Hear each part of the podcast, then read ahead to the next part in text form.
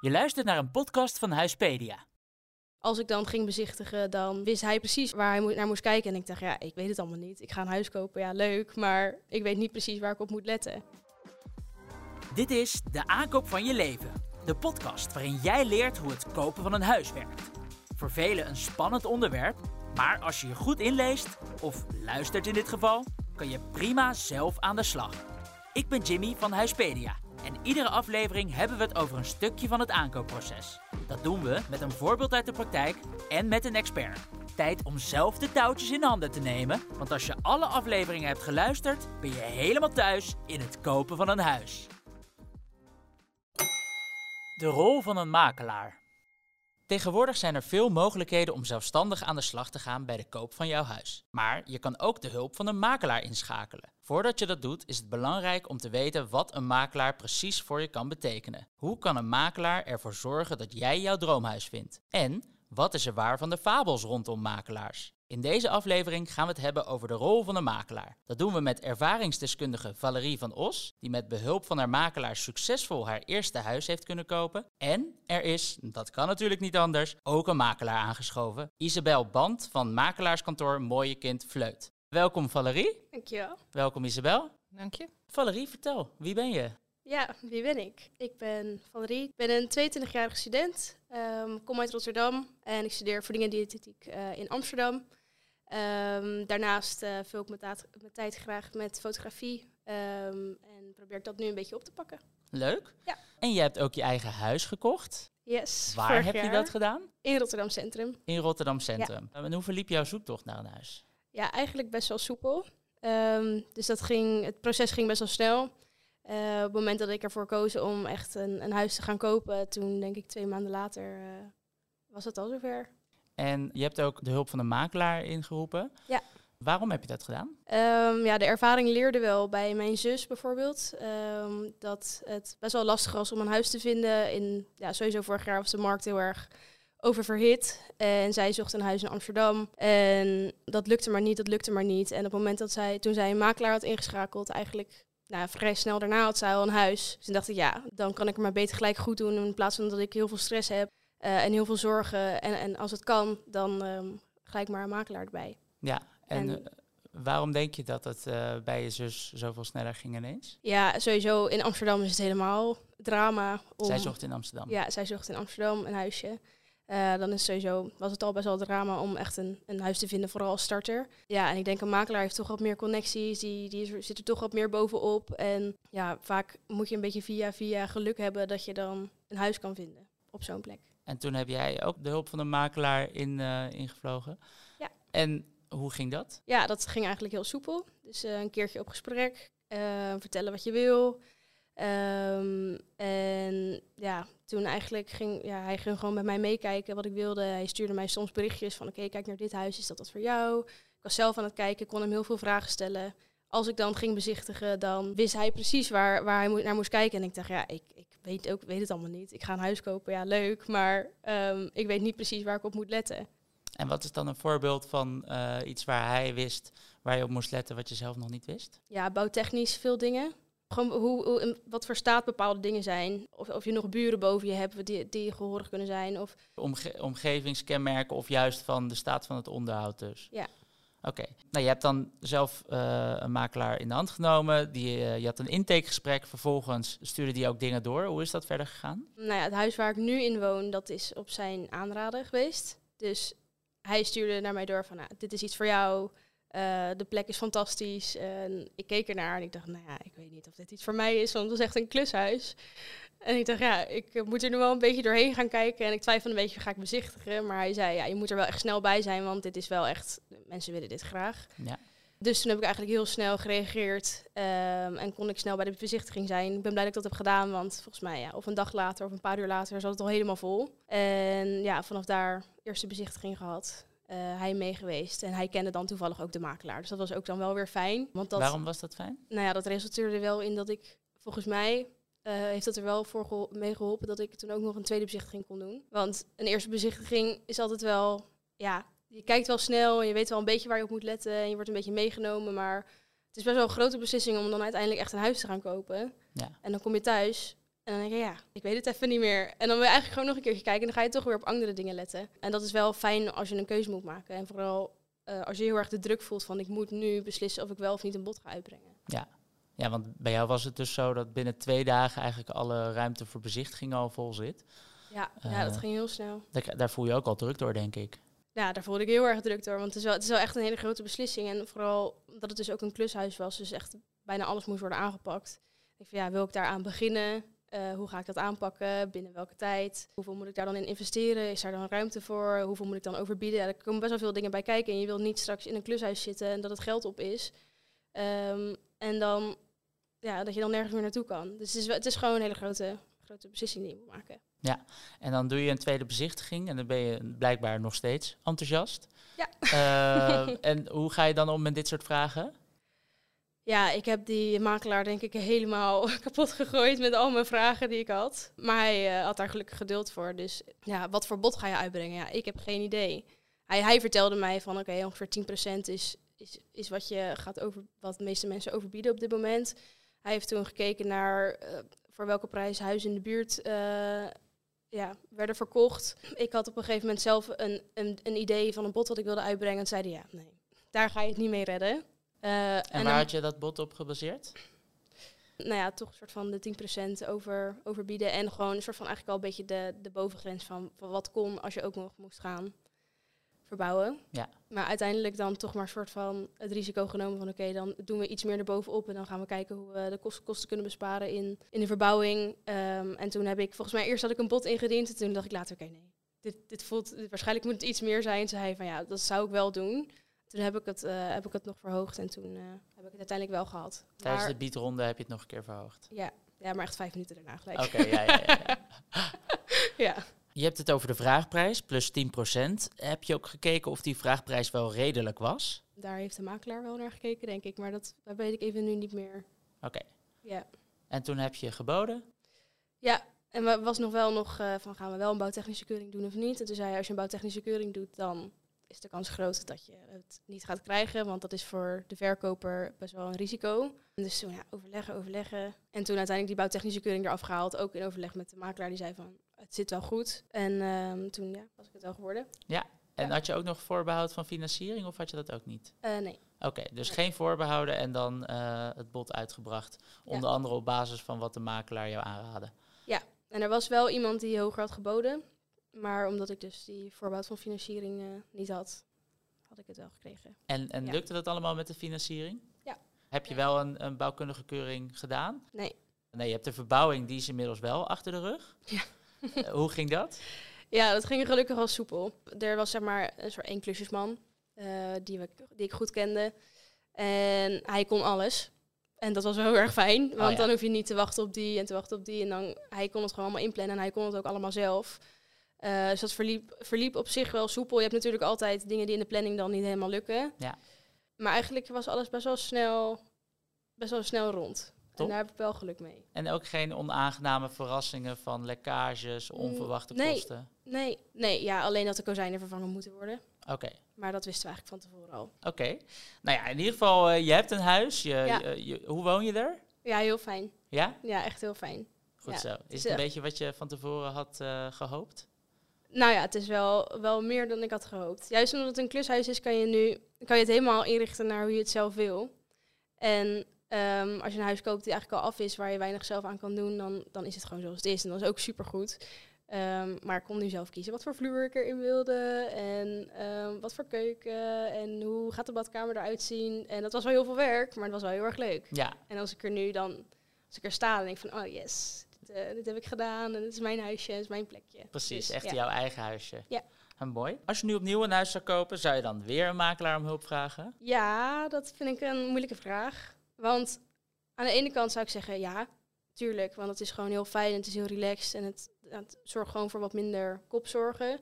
Eh, maar aan de andere kant, kost, het kost wel geld. En op dit moment is het volgens mij wat minder oververhit allemaal. Heb je wat meer tijd en ruimte om een beetje zelf erin te duiken, zelf onderzoek te doen. Ehm, dus als er geld is, zou ik zeggen ja, sowieso. Want dat is gewoon fijn. En er zijn ja, heel veel dingen die je over het hoofd kan zien bij de aankoop van een huis, die later ehm, ja, gewoon niet fijn zijn of veel geld gaan kosten. Dus enerzijds zou ik zeggen, ja, als er geld is sowieso. Anderzijds, als het, als het een beetje last, als, als je een beetje krap zit dan, en je hebt wel tijd en tijd om na te denken en ruimte om na te denken, dan zou ik het misschien niet nog een keer doen. Vooral omdat ik het nu al een keer heb gedaan. Ja, omdat je nu een beetje ervaring Ja, dan heb je wat hebt. meer ervaring erin. Ja.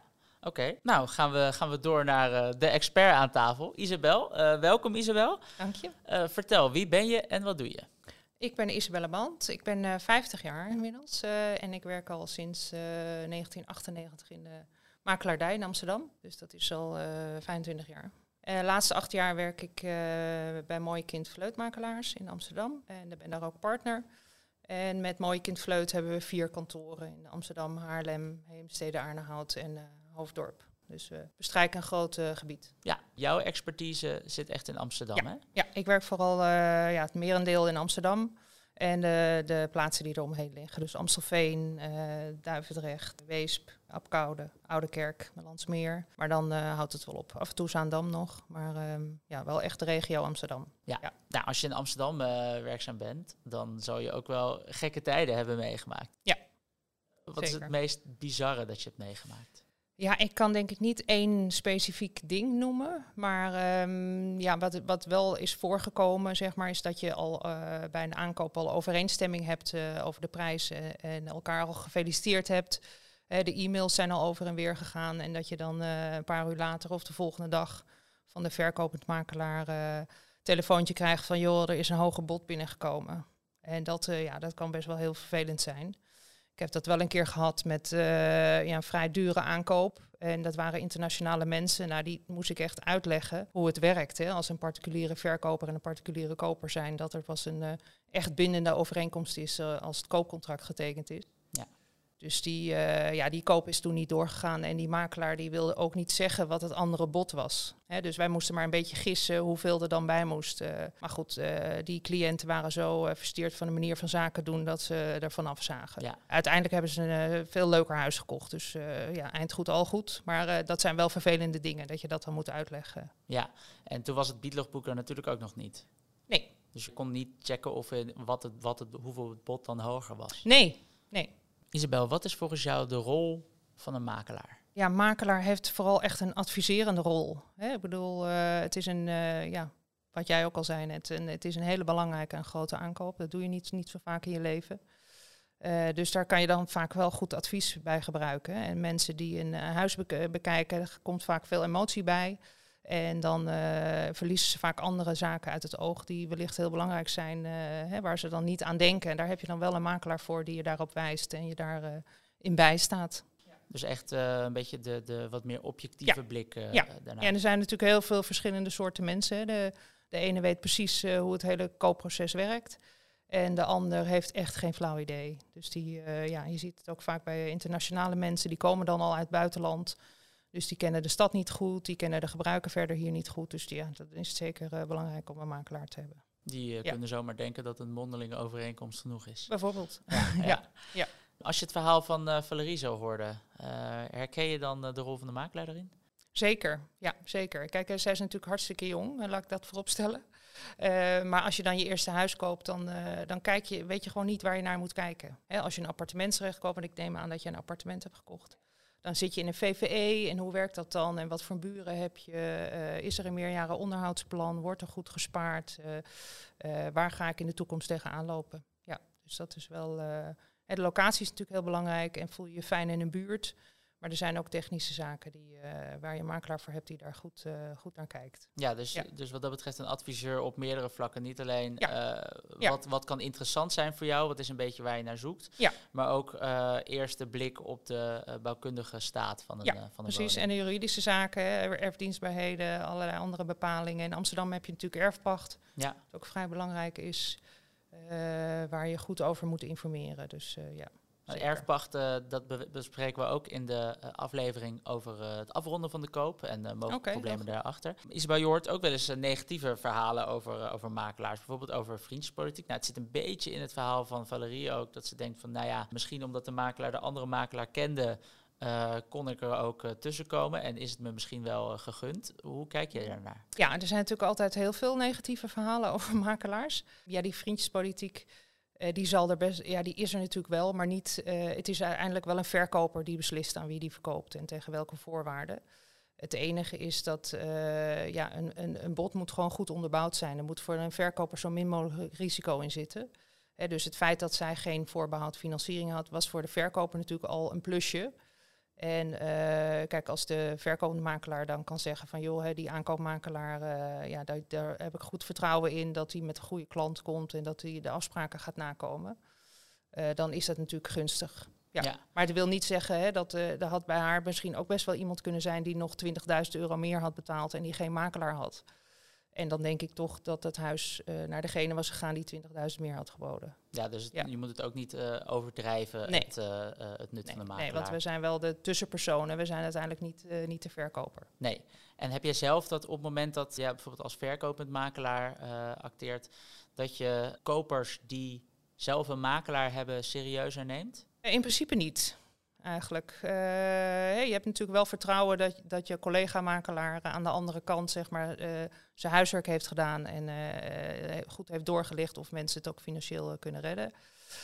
maar je ziet in de markt ook mensen zonder makelaar die ook goed voorbereid zijn. En daar gaat het meer om. Hè? Dat niet mensen zomaar een bod doen van ik bied voor een huis waar je vier ton voor vraagt, vijf ton. Uh, onder voorbehoud financiering, ja, dat is leuk. Maar uh, hè, als de, de woning niet getaxeerd wordt op die waarde en je hebt de volledige financiering nodig, dan, dan gaat het niet lukken. Nee. nee. Dus je kijkt niet alleen naar of, of iemand een makelaar heeft, maar ook gewoon uh, hoe Ja, zijn ze goed onderbouwd, weten ze waar ze mee bezig zijn. ja, dat, dat, dat merk je toch best wel snel aan mensen ook. Nou, laten we hopen dat er in ieder geval met deze podcast meer van dat soort mensen ook bij komen, ja. die van zichzelf wel goed voorbereid zijn. Wat vind je het leukste aan het vak van makelaar zijn? Je bent heel veel buiten ik hou heel erg van Amsterdam met al zijn verschillende facetten. En uh, je werkt met mensen, dus uh, allemaal verschillende soorten mensen. Dus je krijgt ook ontzettend veel mensenkennis. Ja en, ja. en je kent de stad waarschijnlijk als geen ander. Ja, ja. Ik heb heel vaak dat je door de stad fietst en dat je dan links kijkt en denk je, oh ja, dat huis heb ik toen gekocht voor die en die mensen. ja, die wonen er waarschijnlijk nog. En, ja, dat is superleuk. Maar het leukste is ja, ook de blijdschap van de mensen. Ja. Als ze dan, uh, sommige mensen slagen snel, maar sommigen zijn heel lang onderweg. En als ze dan slagen, dan, uh, ja, en je ziet hoe blij ze ermee zijn, dan is het superleuk. En je zei, nou, je, je focust je op Amsterdam, maar ook wel wat omliggende gebieden, zoals bijvoorbeeld Landsmeer. Hoe kijk je naar het belang van lokale kennis als makelaar? Ja, ik vind dat wel heel belangrijk. Wij weten natuurlijk in Amsterdam precies uh, wat er gaat spelen en wat er uh, ontwikkeld wordt en hoe, hoe wijken uh, op zich zijn, hè, wat de samenstelling is, wat de voorzieningen zijn. Ik heb wel eens cliënten die zeggen, ja, ik, die bellen dan van, joh, ik heb in Amersfoort iets leuks gezien, daar wil ik op gaan bieden, kan jij eens even meekijken? Kijk, ik kan natuurlijk wel achterkomen voor wat voor prijzen de huizen worden verkocht, maar ik mis dan de lokale kennis. En dan zeg ik toch van, ja, dan sla ik het toch af. Zeg ik, ik kan beter een lokale makelaar nemen. Wat gebeurt er als je een makelaar inschakelt zoals Valerie en je vervolgens geen huis koopt? Ja, bij onze kantoren, wij werken eigenlijk altijd op basis no cure no pay. He, dus als je uiteindelijk niks koopt, dan heb je ook geen kosten. Maar daar heb je wel uh, kosten ja. gemaakt. Ja. ja, dat is een beetje uh, ja, hoe je het insteekt. Ja, bij een ander heb je weer dat je binnen drie weken geslaagd bent. Dus dat is dan ook weer weer meegenomen. Ja. ja. veel makelaars claimen ook dat het aanbod bij hen het eerste te zien is. is het is real-time. Ja, het is, het is real-time exchange wat we hebben met de, met de makelaars, met het CRM-systeem waar we mee werken. Als een huis wordt aangemeld door een collega-makelaar, dan krijgen we dat meteen te zien. En onze zoekers krijgen dat ook meteen te zien. Dus als een collega. Uh, we krijgen vaak ook meldingen van er zijn nu weer tien nieuwe huizen aangemeld. En dan kan je gewoon zien wat er aangemeld is. En dan is het de volgende dag pas online te zien. Oké, ja. dus jullie krijgen een dag eerder het aanbod te zien? Ja, vaak wel. Ja, het ligt eraan uh, op welk tijdstip de, de, de makelaar het aanmeldt. Als een collega om 11 uur op de knop drukt, dan zien we dat meteen. Dus ja. jullie kunnen wat dat betreft een dag wel eerder... kleine, kleine voorsprong. dag eerder aanbod zien. Ja. Is er ook dan stiekem aanbod waar je anders niet vanaf weet als je niet een makelaar hebt? Uh, ja, er zijn in, in, het exclusieve segment zijn er soms wel eens huizen die uh, in de stille verkoop zijn. He, dus die kunnen makelaars onderling zien of die zijn achter een bepaalde uh, uh, ja, hidden object, is dat dan bijvoorbeeld. Maar dat is meestal het exclusieve segment. Ja, oké. Okay. Dan heb je het over miljoenen woningen. Precies, ja, waarvan de verkopers eh, ja, niet, niet online zichtbaar willen zijn. Nee. Ja. Ja. we hadden het net ook al even kort over het, eh, over het biedlogboek, waardoor je dus eh, nou, in de voorgaande situatie eigenlijk achteraf niet, niet wist wat, wat de ander hoger had geboden. Dat is natuurlijk ook nuttige info voor jou als makelaar om te weten, oké, wa- wat doet de markt? Ehm, wat vind je als makelaar van het, van het biedlogboek? Eh, ik vind het prima dat het er is. Het is soms wel wat meer werk, hè, want we werken met een bepaald systeem. Daar kan je dat goed, eh, hè, kunnen mensen dus zelf hun bieding op doen en dat werkt goed. Maar niet alle makelaars eh, doen daar aan mee. Dus die mailen dan alsnog hun bieding. Weet je, dan moet je het alsnog in dat biedlogboek eh, erin zetten. Dan moet je En het dat- zelf als makelaar erin zetten. Ja. En dat biedlogboek dat is ook pas inzichtelijk als alle eh ontbindende voorwaarden zijn verstreken. hè. Dus het is niet zo dat je de volgende dag meteen kan horen wat de andere biedingen waren. Tenzij natuurlijk het gekozen bod zonder, zonder voorbehouden was. Ja. En wat Ja. vind je ervan dat, eh, want je hebt natuurlijk gesloten en open eh biedlogboeken. Eh, of je hebt bijvoorbeeld bij Huispedia bijvoorbeeld dat alles of open is voor iedereen, of gesloten tot de deadline. En dan daarna kan de verkopend makelaar en de, de verkopers kunnen pas dat biedlogboek inzien. Maar er zijn ook andere systemen waarbij de verkopend makelaar in principe gewoon de hele tijd alle biedingen. Ja, ja dat kunnen wij ook gewoon zien. Ja, Ja. dat is natuurlijk een van de veelgehoorde kritiekpunten. Dat makelaars alsnog kunnen zeggen van joh, eh, ik zie dat je dit hebt geboden, iemand anders heeft dit geboden. Dus als je, eh, nog, eh, als je nog een goede kans wil maken, dan moet je nog wat meer bieden. Ja, er worden nooit precieze bedragen genoemd. Wel dat het er goed voor staat. Dat, dat krijg je natuurlijk wel eens te horen. Je ziet wel met inschrijvingen dat de, de beste biedingen komen echt op de deadline binnen. Dus dat is wel heel, voor ons als verkoopmakelaar soms ook heel spannend. Weet je? Ja. Dan heb je bijvoorbeeld een deadline staan en je weet dat er veel interesse was. Maar ja, gaan ze ook bieden? Ja, Eh, dan hebben we wel eens dat je bijvoorbeeld om 12 uur de deadline hebt en om 5 voor 12 nog niks hebt. Ja. Ga je dan ook bellen met, eh, met mensen die bijvoorbeeld eerder geïnteresseerd waren? Nee, nee, je wacht gewoon af of er iets gaat eh, gebeuren. Het is ook niet dat als, als, als er niemand zou bieden, dat het huis onverkoopbaar is. Dat is natuurlijk wel onzin. En word je wel eens gebeld door andere makelaars? Ja, ze gaan natuurlijk wel altijd ja, kijken of ze iets kunnen lospeuteren. Maar goed, wat ik zeg, eh, je krijgt de beste biedingen vaak op de laatste minuut eh, binnen. Dus dan kan je ook, eh, ja, dat, eh, daarom werkt zo'n deadline ook goed. Hè? Alleen zo'n ja, zo'n biedlogboek om het volledig transparant te maken. ehm, ja, je hoort dus nog wel dat mak- makelaars onderling ook nog wel eh, eh, proberen te beïnvloeden. Ja. Ja. En is het dan, eh, we hoorden net eh, eh, van Valerie het verhaal van, joh, eh, het is eigenlijk eh, de vraagprijs plus 10%. En als je veel eh, interesse hebt, moet je daar misschien nog iets boven zitten. Eh, maar de vraagprijs is uiteindelijk ook maar Ja. een vraagprijs. Klopt. Het zegt in Ja. principe niet zoveel over de waarde. Nee. Hoe, hoe, hoe kijk jij daarnaar? Ja, ja dat, dat is helemaal, eh, helemaal juist. Hè, soms is een prijs gewoon veel te hoog. En ja, als een huis dan een paar weken te koop staat, dan is duidelijk dat de prijs te hoog was. Maar als iets net is aangemeld, ja, een leek weet dan niet of dit een redelijke vraagprijs is. Daar moet je toch wel een beetje kennis, eh, kennis voor hebben. En je zei al, er zijn ook mensen die zelf eh, een huis kopen zonder makelaar. Je kunt tegenwoordig ook zonder makelaar je huis verkopen. Denk je dat dit een bedreiging is voor makelaars? Ik denk dat het naast elkaar kan bestaan wel. Het leuke is aan een, eh, een verkoper zelf dat hij natuurlijk. wij kunnen heel veel over het huis vertellen wat we weer van verkopers horen. Maar een verkoper, als hij zelf een beetje echt goed is ingelezen, kan hij natuurlijk zelf ook heel veel dingen vertellen over een huis. Wat natuurlijk leuk is. En hij moet dan wel een beetje onderlegd zijn dat hij wel ook eh, zijn melding, aan zijn meldingsplicht voldoet. Hè? Dat hij alle dingen die eh, noodzakelijk zijn om te melden ook echt meldt. Wanneer ben je volgens jou een goede makelaar? Als je goed luistert hè, naar wat, wat, wat zoeken mensen nou eigenlijk echt. Niet de hele tijd je eigen mening opdringen over eh, wat je vindt van een huis. Hè. Meningen verschillen. En dat je ook kan zeggen tegen iemand als je een huis gewoon echt niet geschikt vindt of niet een goed huis vindt. En dat je ook eh, op de lange termijn kijkt. En meedenken ook. Hè, weet je, als je een huis ziet wat niet ideaal is of er nog dingen zijn die je zou kunnen veranderen waardoor het wel geschikt zou kunnen zijn. Zoals bijvoorbeeld in het geval van Valerie. Je was niet op zoek naar een klushuis, toch? Ehm, nee, liever niet. En uiteindelijk heb je wel een heel fijn huis, eh, omdat de makelaar tegen jou zei... eh, misschien is dit wel iets voor jou juist. Ja, klopt. En vooral de locatie was, eh, was top. Dus dan ga je toch weer een andere overweging maken. Ga ik jullie allebei nog eh, om, een, eh, om een tip voor de luisteraars eh, vragen. Te beginnen bij jou, Valerie. Heb jij nog een tip voor de mensen die nu deze podcast luisteren? Maak geen overhaaste beslissing en denk goed na en zet je gevoel heel eventjes opzij. Want het kan allemaal heel leuk zijn en heel enthousiast, maar uiteindelijk is het wel echt, echt een ja, grote beslissing om een huis te kopen. En ik merkte aan mezelf, ik was bij elk huis was ik al heel erg enthousiast. En dan kon ik heel snel zeggen van nee joh, dat maakt niet uit. Dat komt wel goed. En dan zei de makelaar, nou, ik zou er toch wel even, even goed over nadenken. Dus ik zou als tip meegeven om toch echt realistisch te zijn. Niet te overhaaste beslissingen te Ja. maken. Ja. Oké. Isabel, jij nog een eh, tip? Ga voorbereid te pad om te beginnen. Dus eh, zoek eerst uit wat je financieringsmogelijkheden zijn, zodat je teleurstellingen voorkomt aan eh, beide zijden, hè, voor verkoper, maar ook voor jezelf. En kijk even voorbij dat mooie vloertje en die keuken. Hè, je ziet vaak dat eh, woningen die net helemaal opgeknapt zijn, dat daar echt mega prijzen voor betaald worden. Maar eh, soms is een huis waar wat meer aan moet gebeuren, net wat jij nu eh, gekocht hebt, eh, net zo'n goed huis. Moet je alleen even wat dingen doen. En Ja. dat hoeven niet e- enorme bedragen te zijn. Hè. Soms doen mensen daar heel ingewikkeld over. En natuurlijk is het moeilijk om een aannemer te vinden of klusjes te laten doen. Maar ehm, ja, soms scheelt het ook in de prijs.